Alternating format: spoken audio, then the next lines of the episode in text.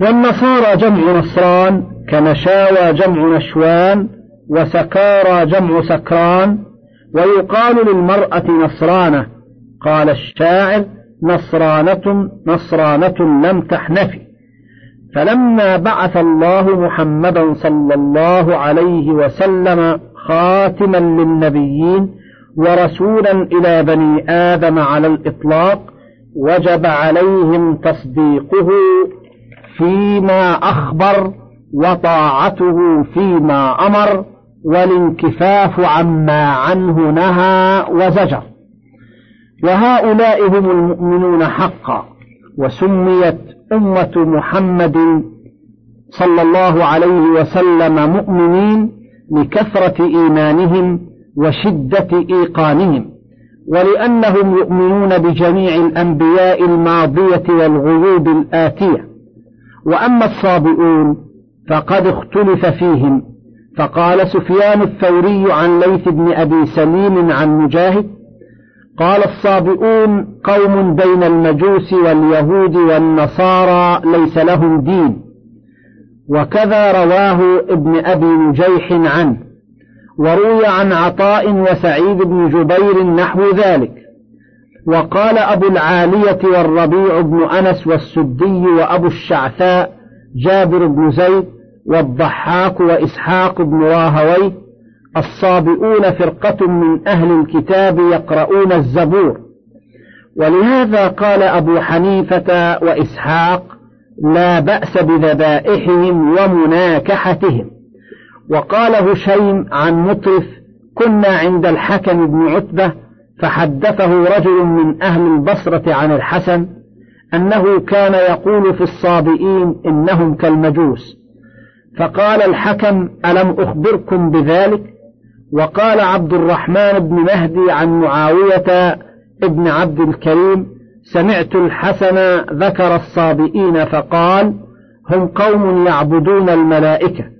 وقال ابن جرير حدثنا محمد بن عبد الأعلى حدثنا المعتمر ابن سليمان عن أبيه عن الحسن قال أخبر زياد أن الصابئين يصلون إلى القبلة ويصلون الخمس. قال فأراد أن يضع عنهم الجزية. قال فخبر بعد أنهم يعبدون الملائكة. وقال أبو جعفر الرازي بلغني أن الصابئين قوم يعبدون الملائكة ويقرؤون الزبور ويصلون للقبلة.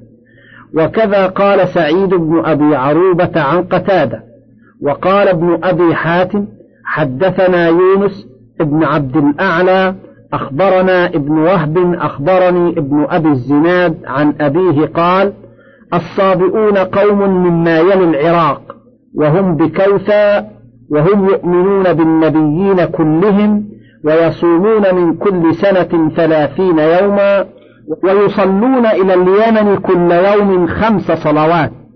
وسئل وهب بن منبه عن الصابئين فقال الذي يعرف الله وحده وليست له شريعة يعمل بها ولم يحدث كفرا. وقال عبد الله بن وهب قال عبد الرحمن بن زيد الصابئون أهل دين من الأديان. كانوا بجزيرة الموصل يقولون لا إله إلا الله وليس لهم عمل ولا كتاب ولا نبي إلا قول لا, إلا قول لا إله إلا الله. قال قال ولم يؤمنوا برسول فمن أجل ذلك كان المشركون يقولون للنبي صلى الله عليه وسلم وأصحابه هؤلاء الصابئون يشبهونهم بهم يعني في قول لا إله إلا الله. وقال الخليل هم قوم يشبه دينهم دين النصارى إلا أن قبلتهم نحو مهب الجنوب يزعمون أنهم على دين نوح عليه السلام. وحكى القرطبي عن مجاهد والحسن وابن أبي نجيح أنهم قوم تركب دينهم بين اليهود والمجوس ولا تؤكل ذبائحهم ولا تنكح نساؤهم. قال القرطبي والذي تحصل من مذهبهم فيما ذكره بعض العلماء أنهم موحدون ويعتقدون تأثير النجوم وأنها فاعلة. ولهذا أفتى أبو سعيد الإصطخري بكفرهم للقادر بالله حين سأله عنهم. واختار الرازي أن الصابئين قوم يعبدون الكواكب بمعنى أن الله جعلها قبلة للعبادة والدعاء أو بمعنى أن الله فوض تدبير أمر هذا العالم إليها. قال وهذا القول هو المنسوب إلى الكشرانيين الذين جاءهم إبراهيم عليه السلام رادا عليهم مبطلا لقولهم. وأظهر الأقوال والله أعلم قول مجاهد ومتابعيه ووهب بن منبه أنهم قوم ليسوا على دين اليهود ولا النصارى ولا المجوس ولا المشركين وإنما هم قوم باقون على فطرتهم ولا دين مقرر لهم يتبعونه ويقتفونه ولهذا كان المشركون ينبذون من أسلم بالصابئ أي أنه قد خرج عن سائر أديان أهل الأرض إذ ذاك. وقال بعض العلماء الصابئون الذين لم تبلغهم دعوة نبي والله أعلم. وإذ أخذنا ميثاقكم ورفعنا فوقكم الطور خذوا ما آتيناكم بقوة واذكروا ما فيه لعلكم تتقون. ثم توليتم من بعد ذلك فلولا فضل الله عليكم ورحمته لكنتم من الخاسرين. يقول تعالى مذكرا بني إسرائيل ما أخذ عليهم من العهود والمواثيق بالإيمان به وحده لا شريك له واتباع رسله. وأخبر تعالى أنه لما أخذ عليهم الميثاق رفع الجبل فوق رؤوسهم ليقروا بما عوهدوا عليه بما عوهدوا عليه ويأخذوه بقوة وجزم وامتثال. كما قال تعالى وإذ نتقنا الجبل فوقهم كأنه ظلة وظنوا أنه واقع بهم. خذوا ما آتيناكم بقوة واذكروا ما فيه لعلكم تتقون. فالطور هو الجبل كما فسره به في الأعراف ونص على ذلك ابن عباس ومجاهد وعطاء وعكرمة والحسن والضحاك والربيع بن أنس وغير واحد. وهذا ظاهر. وفي رواية عن ابن عباس الطور ما أنبت من الجبال وما لم ينبت فليس بطور. وفي حديث الفتون عن ابن عباس أنهم لما امتنعوا عن الطاعة رفع عليهم الجبل ليسمعوا. وقال السدي فلما أبوا أن يسجدوا أمر الله الجبل أن يقع عليهم. فنظروا إليه وقد غشيهم فسقطوا سجدا فسجدوا على شق ونظروا بالشق الآخر. فرحمهم الله فكشفه عنهم. فقالوا والله ما سجدة أحب إلى الله من سجدة كشف بها العذاب عنهم فهم يسجدون كذلك. وذلك قول الله تعالى ورفعنا فوقكم الطور وقال الحسن في قوله خذوا ما آتيناكم بقوة يعني التوراة وقال أبو العالية والربيع بن أنس بقوة أي بطاعة وقال مجاهد بقوة بعمل بما فيه وقال قتادة خذوا ما آتيناكم بقوة القوة الجد وإلا قذفته عليكم. قال فأقروا بذلك أنهم يأخذون ما أوتوا بقوة. ومعنى قوله وإلا قذفته عليكم أي أسقطته عليكم يعني الجبل. وقال أبو العالية والربيع واذكروا ما فيه. يقول اقرأوا ما في التوراة واعملوا به. وقوله تعالى ثم توليتم من بعد ذلك فلولا فضل الله يقول تعالى ثم بعد هذا الميثاق المؤكد العظيم توليتم عنه وانثنيتم ونقضتموه فلولا فضل الله عليكم ورحمته أي بتوبته عليكم وإرساله النبيين والمرسلين إليكم لكنتم من الخاسرين بنقضكم ذلك الميثاق في الدنيا والآخرة. ولقد علمتم الذين اعتدوا منكم في السبت فقلنا لهم كونوا قردة خاسئين فجعلناها نكالا لما بين يديها وما خلفها وموعظة للمتقين. يقول تعالى ولقد علمتم يا معشر اليهود ما أحل من البأس بأهل القرية التي عصت أمر الله وخالفوا عهده وميثاقه فيما أخذه عليهم من تعظيم السبت والقيام بأمره إذ كان مشروعا لهم فتحيلوا على اصطياد الحيتان في يوم السبت بما وضعوا لها من الشصوص والحبائل والبرك قبل يوم السبت. فلما جاءت يوم, يوم السبت على عادتها في الكثرة نشبت بتلك الحبائل والحيل فلم تخلص منها يومها ذلك. فلما كان الليل أخذوها بعد انقضاء السبت فلما فعلوا ذلك مسخهم الله إلى صورة القردة وهي أشبه شيء بالأناسي في الشكل الظاهر وليست بإنسان حقيقة. فكذلك أعمال هؤلاء وحيلتهم لما كانت مشابهة للحق في الظاهر ومخالفة له في الباطن كان جزاؤهم من جنس عملهم. وهذه القصة مبسوطة في سورة الأعراف حيث يقول تعالى واسألهم عن القرية التي كانت حاضرة البحر إذ يعدون في السبت إذ تأتيهم حيتانهم يوم سبتهم شرعا ويوم لا يسبتون لا تأتيهم كذلك نبلوهم بما كانوا يفسقون. القصة, بكم القصة بكمالها. وقال السدي أهل هذه القرية هم أهل أيلة. وكذا قال قتادة وسنورد أقوال المفسرين هناك مبسوطة إن شاء الله وبه الثقة. وقوله تعالى فقلنا لهم كونوا قردة خاسئين. قال ابن أبي حاتم حدثنا أبي حدثنا أبو حذيفة حدثنا شبل عن ابن أبي نجيح عن مجاهد. فقلنا لهم كونوا قردة خاسئين. قال مسخت قلوبهم ولم يمسخوا قردة وإنما هو مثل ضربه الله كمثل الحمار يحمل أسفارا. ورواه ابن جرير, جرير عن المثنى عن أبي حذيفة وعن محمد بن عمر الباهلي وعن أبي عاصم عن عيسى عن ابن أبي نجيح عن مجاهد به وهذا سند جيد عن مجاهد. وقول غريب خلاف الظاهر من السياق في هذا المقام وفي غيره.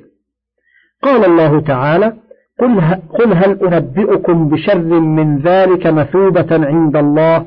من لعنه الله وغضب عليه وجعل منهم القردة والخنازير وعبد الطاغوت؟ الآية وقال العوفي في تفسيره عن ابن عباس فقلنا لهم كونوا قردة خاسئين فجعل الله منهم القردة والخنازير فزعم أن شباب القوم صاروا قردة وأن الشيخة صاروا خنازير. وقال شيبان النحوي عن قتادة فقلنا لهم كونوا قردة خاسئين فصار القوم قردة تعاوي لها أذناب بعدما كانوا رجالا ونساء. وقال عطاء الخراساني نودوا يا أهل القرية كونوا قردة خاسئين. فجعل الذين نهرهم يدخلون عليهم فيقولون يا فلان ألم ننهكم؟ فيقولون برؤوسهم أي بلى. وقال ابن أبي حاتم حدثنا علي بن الحسن حدثنا عبد الله بن محمد بن ربيعة بالمصيصية حدثنا محمد بن مسلم يعني الطائفي عن ابن أبي نجيح عن مجاهد عن ابن عباس قال إنما كان الذين اعتدوا في السبت فجعلوا قردة فواقا ثم هلكوا. ما كان للمسخ نسخ وقال الضحاك عن ابن عباس فمسخهم الله قردة بمعصيتهم. يقول إذ لا يحيون في الأرض إلا ثلاثة أيام. قال ولم يعش مسخ قط فوق ثلاثة, ثلاثة أيام ولم يأكل ولم يشرب ولم ينسل وقد خلق الله القردة والخنازير وسائر الخلق في الستة الأيام التي ذكرها في كتابه. فمسخ هؤلاء فمسخ هؤلاء القوم في صورة القردة وكذلك يفعل بمن يشاء كما يشاء. ويحوله كما يشاء. وقال أبو جعفر عن الربيع عن أبي العالية في قوله كونوا قردة خاسئين قال يعني أذلة صاغرين وروي عن مجاهد وقتادة والربيع وأبي مالك نحوه. وقال محمد بن إسحاق عن داود بن أبي الحسين عن عكرمة قال قال ابن عباس إن الله إنما افترض على بني إسرائيل اليوم الذي افترض عليكم في عيدكم يوم الجمعة فخالفوا إلى السبت فعظموه وتركوا ما أمروا به. فلما أبوا إلا لزوم السبت ابتلاهم الله فيه فحرم عليهم ما أحل لهم في غيره. وكانوا في قرية بين أيله والطور يقال لها رديا. فحرم الله عليهم في السبت الحيتان صيدها وأكلها وكانوا إذا كان يوم السبت أقبلت إليهم شرعا إلى ساحل بحرهم حتى إذا ذهب السبت ذهبن فلم يروا حوتا صغيرا ولا كبيرا حتى إذا كان يوم السبت أتينا, أتينا سرا حتى إذا ذهب السبت ذهب فكانوا كذلك حتى طال عليهم الأمد. وقرموا إلى الحيتان. عمد رجل منهم فأخذ حوتا سرا يوم السبت فحزمه بخيط ثم أرسله في الماء وأوتد له وتدا في الساحل فأوثقه ثم تركه. حتى إذا كان الغد جاء فأخذه أي إني لم آخذه في يوم السبت فانطلق به فأكله. حتى إذا كان يوم السبت الآخر عاد لمثل ذلك.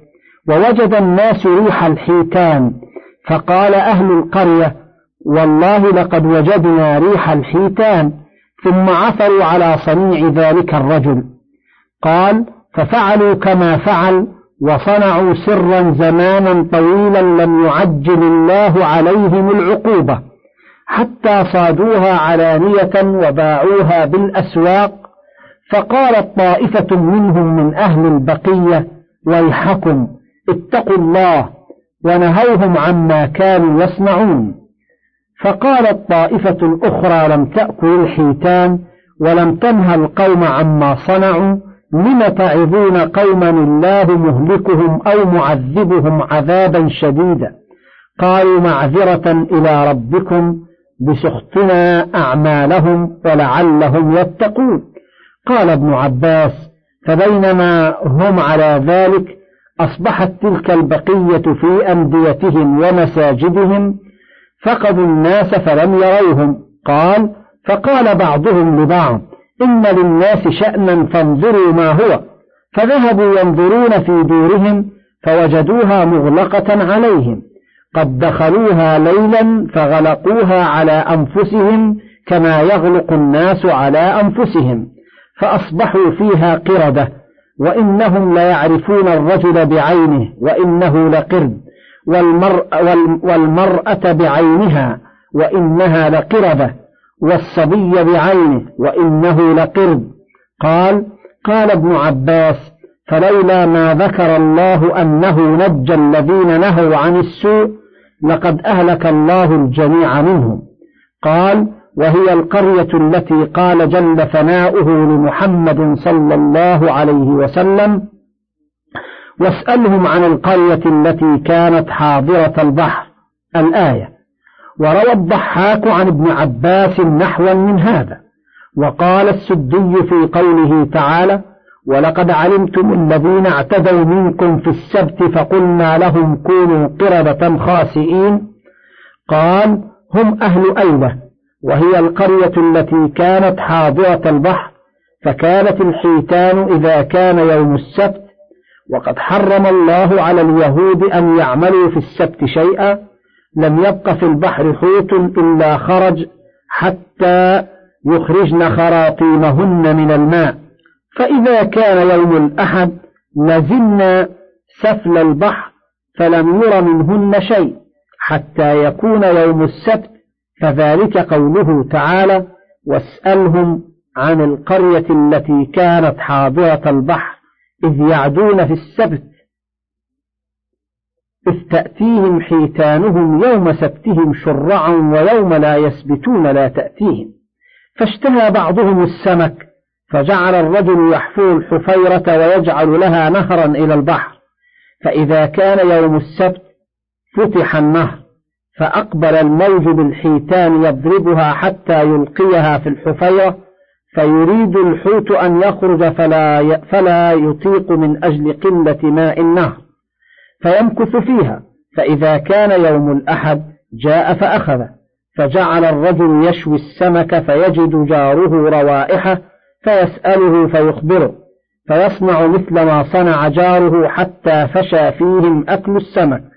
فقال لهم علماؤهم ويحكم إنما تصطادون يوم السبت وهو لا يحل لكم. فقالوا إنما صدناه يوم الأحد حين أخذناه. فقال الفقهاء لا ولكنكم صدتموه يوم فتحتم له الماء فدخل. قال وغلبوا أن ينتهوا. فقال بعض الذين نهوهم لبعض لم تعظون قوما الله مهلكهم أو معذبهم عذابا شديدا. يقول لم تعظوهم وقد, وقد وعظتموهم فلم يطيعوكم. فقال بعضهم معذرة إلى ربكم ولعلهم يتقون. فلما أبوا قال المسلمون والله لا نساكنكم في قرية واحدة. فقسموا القرية بجدار ففتح المسلمون بابا والمعتدون في السبت بابا ولعنهم داود عليه السلام فجعل المسلمون يخرجون من بابهم والكفار من بابهم فخرج المسلمون ذات يوم ولم يفتح الكفار بابهم فلما أبطأوا عليهم تسور المسلمون عليهم الحائط فإذا هم قردة يثب بعضهم على بعض. ففتحوا عنهم فذهبوا في الأرض فذلك قول الله تعالى فلما عتوا عما نهوا عنه قلنا لهم كونوا قردة خاسئين وذلك حين يقول لعن الذين كفروا من بني إسرائيل على لسان داود وعيسى بن مريم الآية فهم القردة قلت والغرض من هذا السياق عن هؤلاء الأئمة بيان خلاف ما ذهب إليه مجاهد رحمه الله من أن مسخهم إنما كان معنويا لا صوريا بل الصحيح أنه معنوي صوري والله تعالى أعلم. وقوله تعالى فجعلناها نكالا قال بعضهم الضمير في, في فجعلناها عائد على القردة وقيل على الحيتان وقيل على العقوبة وقيل على القرية حكاها ابن جرير والصحيح أن الضمير عائد على القرية أي فجعل الله هذه القرية والمراد أهلها بسبب اعتدائهم في سبتهم نكالا أي عاقبناهم عقوبة فجعلناها عبرة كما قال الله عن فرعون فأخذه الله نكال الآخرة والأولى. وقوله تعالى لما بين يديها وما خلفها أي من القرى. قال ابن عباس يعني جعلناها بما أحللنا بها من العقوبة عبرة لما حولها من القرى. كما قال تعالى ولقد أهلكنا ما حولكم من القرى وصرفنا الآيات لعلهم يرجعون. ومنه قوله تعالى أولم يروا أنا نأتي الأرض ننقصها من أطرافها؟ الآية على أحد الأقوال فالمراد لما بين يديها وما خلفها في المكان كما قال محمد بن إسحاق عن داود بن الحسين عن عكرمة عن ابن عباس لما بين يديها من القرى وما خلفها من القرى. وكذا قال سعيد بن جبير لما بين يديها وما خلفها. قال من بحضرتها من الناس يومئذ؟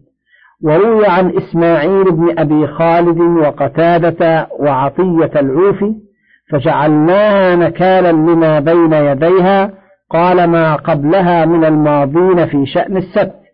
وقال أبو العالية والربيع وعطية وما خلفها لما بقي بعدهم من الناس من بني إسرائيل أن يعملوا مثل عملهم. وكان هؤلاء يقولون المراد لما بين يديها وما خلفها في الزمان وهذا مستقيم بالنسبة إلى من يأتي بعدهم من الناس أن تكون أهل تلك القرية عبرة لهم. وأما بالنسبة إلى من سلف قبلهم من الناس فكيف يصح هذا الكلام أن تفسر الآية به؟ وهو أن يكون عبرة لمن سبقهم وهذا لعل أحدا من الناس لا يقوله بعد تصوره فتعين أن المراد بما بين يديها وما خلفها في المكان وهو ما حولها من القرى كما قاله ابن عباس وسعيد بن جبير والله أعلم. وقال أبو جعفر الرازي عن الربيع بن أنس عن أبي العالية فجعلناها نكالا لما بين يديها وما خلفها أي عقوبة لما خلا من ذنوبهم. وقال ابن أبي حاتم وروي عن عكرمة ومجاهد والسدي والفراء وابن عطية لما بين يديها من ذنوب القوم وما خلفها لمن يعمل بعدها مثل تلك الذنوب. وحكى الرازي ثلاثة أقوال. أحدها أن المراد بما بين يديها وما خلفها من تقدمها من القرى بما عندهم من العلم بخبرها بالكتب المقدمة ومن بعدها. والثاني المراد بذلك من بحضرتها من القرى والأمم.